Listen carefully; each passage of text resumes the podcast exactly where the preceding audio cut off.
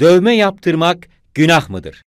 Maalesef halk arasında doğru bilinen yanlışlardan bir tanesi de dövme yaptırmanın günah olduğudur.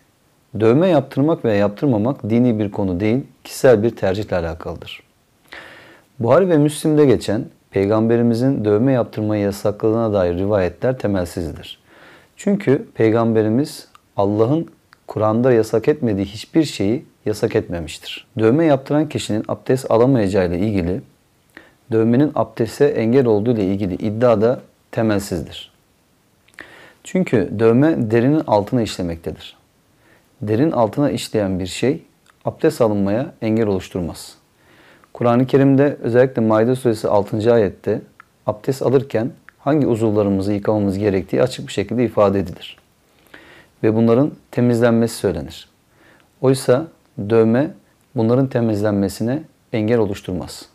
Dövme yaptırmanın sağlığa zararlı olduğu ya da Allah'ın yaratışını bozduğu şeklinde bir takım temelsiz iddiaları görmek de mümkündür.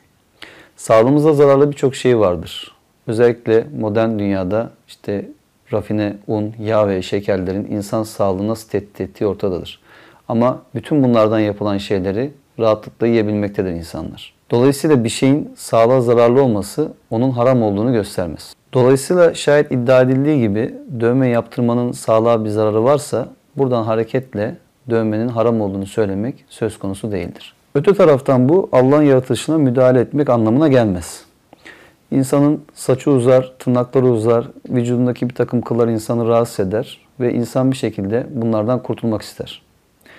Aynı şekilde insanların bir kısmı şayet vücutlarında bir süs olması açısından bu tarzda bir dövme yaptırmayı arzu ediyorlarsa bu da Allah'ın yaratılışına müdahale anlamına gelmez.